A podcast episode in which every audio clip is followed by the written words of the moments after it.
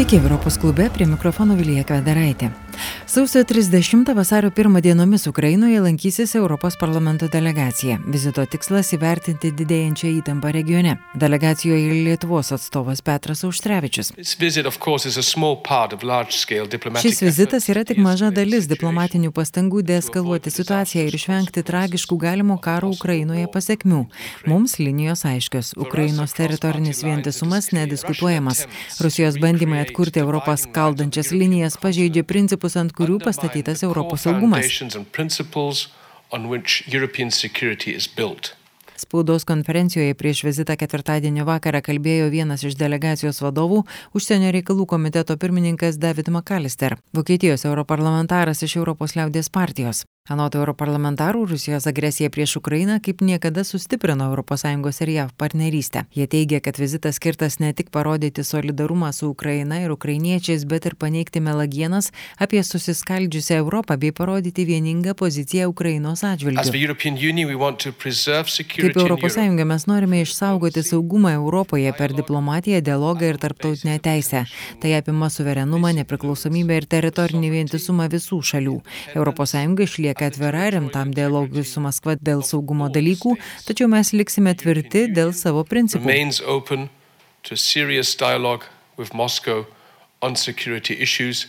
But we are and we will remain firm on our principles. Sakė Makalister. Beje, tuo metu, kai Europos parlamento delegacija viešės Ukrainoje, Maskvoje lankysis Vengrijos premjeras Viktoras Orbanas. Europarlamentarai bandė vengti kritikuoti Vengrijos premjerą ir kalbėjo diplomatiškai. Pokalbiai gerai, svarbiausia, kokia žinutė juose skleidžiama. Dvišaliai pokalbiai su Vladimiru Putinu vyksta, yra kalbėjimasis tarp Blinkeno ir Lavrovo, bus telefoninis pokalbis tarp Emanuelio Makrono ir Vladimiro Putino. Kalbos yra gerai, reikia prisiminti, kad net labiausiai įtemptai šaltojo karo momentais pokalbiai vykdavo. Klausimas, kokia žinutė perteikiama. Ir mums reikia skleisti vieningą žinę, nes neturime bejonių, kad Vladimiras Putinas tengiasi mus išskaldyti. Jis turėjo video skambutį su Italijos verslininkais vakar, jis ir toliau bandys bei testuos ir mūsų paramos lygį Ukrainai. Todėl aš nuoširdžiai tikiu, kad Viktoras Orbanas supranta, kas pastatyta ant kortos ir kad mes vis dėlto išliksim visi su vieninga Europos žinute. Viktor Orban fully realizes what's at stake and that he will stick to the message of unity of the European Union. Kalbėjo Natalija Luozo. Parama Ukrainai nėra tik simbolinis Europos palaikymas ar kalbos, sakė David McAllister. ES finansinė parama sudaro milijardus.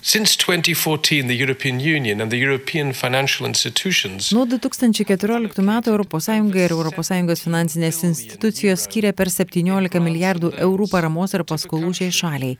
Tik vakar Europos komisija pasiūlė naują finansinį paketą paramos Ukrainai milijardą 200 milijonų eurų, kuris padės Ukrainai konflikto metu atlaikyti finansinį finansinius iššūkius ir stiprinti valstybę. Sakė David McAllister. Tik noriu pridėti, kad vizitas į Ukrainą yra parodimas ne tik Ukrainos politikams, bet ir visuomeniai, viešai nuomoniai, kurie atakuojama masinėmis dezinformacijos kampanijomis.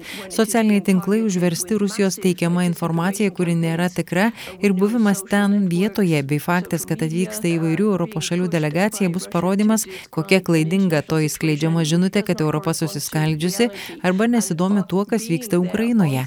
Kartu parodysime, kad tai, kas ten vyksta, vyksta, turi pasiekmes ES, kalbėjo Natalija Luozo. Tuo metu Kopenhaga šią savaitę paskelbė, kad iki 26 metų šalis pati pagalbai Ukrainai skirs 74 milijonus eurų. Ketvirtadienį Vokietija pažadėjo rimtas pasiekmes Rusijai, jeigu šį įsiverštų į Ukrainą ir galimas sankcijas dujotikiui Nord Stream 2. Vokietija jau daug metų atkakliai siekia įgyvendinti 10 milijardų eurų vertės dujotikio projektą, kuris padvigubins dujų tiekimą iš Rusijos, nepaisydama sąjungininkų kritikos. Tačiau kilus pavojui, kad Maskva puls Ukrainą, Vokietijos naujasis kancleris Olafas Šolcas pirmąją savo darbo dieną perspėjo, kad tokiu atveju būtų imtasi priemonių prieš Nord Stream 2. Dujotikis buvo užbaigtas pradėtas jau rugsėjį, tačiau jo licencijavimo procesas nebaigtas. If Nord Stream 2 will be stopped or not, Ar Nord Stream 2 bus sustabdytas ar ne, visiškai priklauso nuo Kremliaus veiksmų. Jei Ukrainoje konfliktas eskaluosis į karinį, mano manimu šis projektas negalės judėti į priekį. Iš principo energetinės infrastruktūros projektai turi visiškai atitikti Europos energetikos teisę, tai galioja ir Nord Stream 2.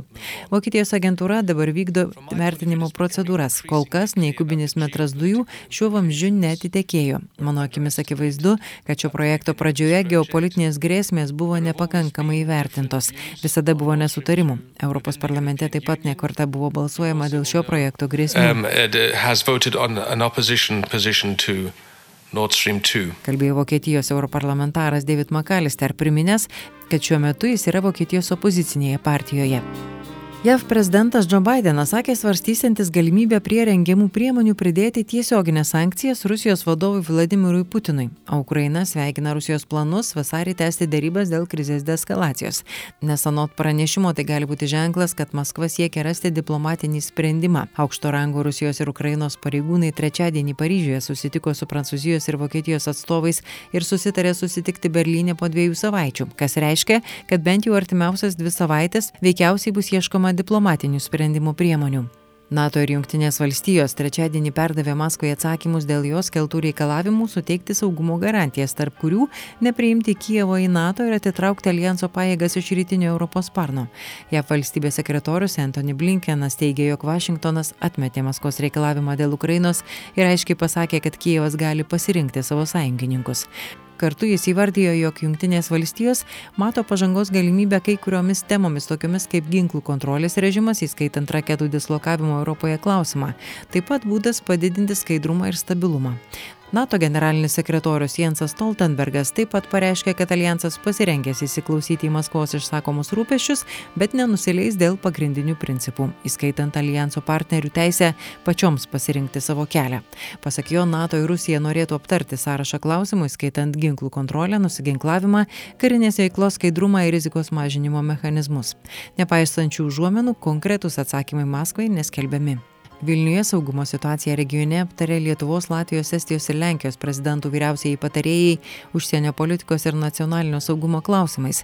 Kaip nurodoma išplatintame prezidentūros pranešime susitikimo dalyviai vieningai sutarė kad rusijos ultimatumai vakarų valstybėms atskleidė kremliaus siekį keisti pasaulio tvarką grįstą pagarba žmogaus teisėms tarptautinei teisei ir susitarimams. Rusijos pajėgos prie ukrainos šiuo metu yra didžiausia karinės galios koncentracija europoje nuo antrojo pasaulinio karo laikų laikų. O bandymai keisti jėgų balansą žemyne yra pavojingesni nei sovietų sąjungos laikais sako lietuvos ambasadorius prie nato deividas matulionis. Jis sako nenorintis spėlioti ar rusija ryšis pulti ukrainą bet karinių veiksmų scenarijaus anot jo atmesti nereikėtų. Ambasadorius taip pat ragina nesureikšminti vokietijos sprendimo neleisti latvijai tiekti jos mirtinų ginklų ukrainiečiams nes to daryti anot jo neleidžia šalies teisės aktai o panašios strategijos laikosi kai kurios skandinavijos beneliukso ir kitos europos valstybės tuo metu tyrimą baigęs specialus europos parlamento komitetas teigia kad dėl nepakankamų europos sąjungos sankcijų ir kitų priemonių trūkumo kišimasis į sąjungos valstybių veiklą tampa labai patrauklus. Specialusis komitetas užsienio šalių kišimosi į demokratinius procesus europos sąjungoje įskaitant dezinformaciją klausimais aštuoniolika mėnesių tyrė užsienio šalių įtaką europos sąjungoje ir surengė daugiau nei penkiasdešimt klausymų bei patvirtino savo rekomendacijas. Jose pažymima kad europiečiams ir europos sąjungos valstybių atstovams smarkiai trūksta suvokimo apie autokratinių režimų ypač rusijos ir kinijos keliamą pavojų siekdami atgrasyti tolesnius išpuolius europarlamentarai ragina sąjungą didinti visuomenės suvokimą apie užsienio valstybių kenkėjišką veiklą stiprinti kovos su melagienomis pajėgumus remti nepriklausomą žiniasklaidą ir faktų tikrintojus bei skatinti kovą su melagienomis visomis sąjungos kalbomis Šiandien Europos klube tiek prie mikrofono buvo Vilija Kvedaraitė. Iki kitos savaitės. Prie Europos klubo finansavimo prisideda Europos parlamentas. Europos klubas.